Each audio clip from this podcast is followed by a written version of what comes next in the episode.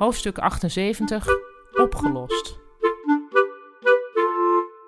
Nu Enzo weg was, werd Kavia ineens weer wakker in haar eigen huis. Ze was er de afgelopen tijd zo weinig geweest dat ze het zielig vond voor haar spulletjes, maar ze sprak zichzelf meteen streng toe: dingen zijn niet zielig. Je kon wel aan de gang blijven.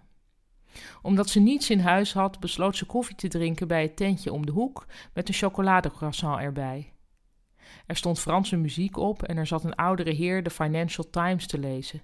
Kavia voelde zich een cavia van de wereld. Goedemiddag, riep Ruud toen ze om half tien de afdeling opliep. Sorry, zei Kavia.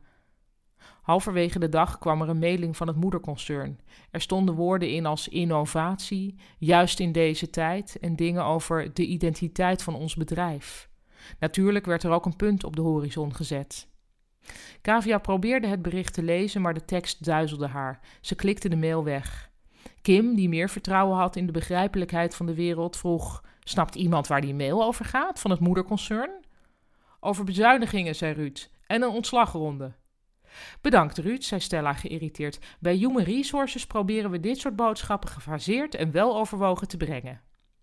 Bij financiën vinden we dat de pleister het best snel verwijderd kan worden.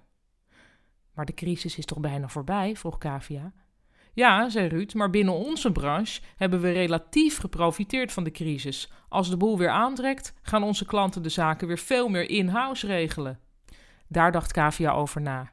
Eerst werd er gezegd dat er door de crisis niets kon, en nu kon er niets omdat de crisis bijna voorbij was. Staan er nog specifieke banen op de tocht? vroeg Kim. Ruud, zei Stella scherp en daarna zonnig tegen Kim, daar is in dit stadium niets over bekend. En trouwens, het kan ook nog heel goed dat het allemaal op een andere manier wordt opgelost. Welke andere manier dan? vroeg Kavia zich af, maar durfde het niet te vragen.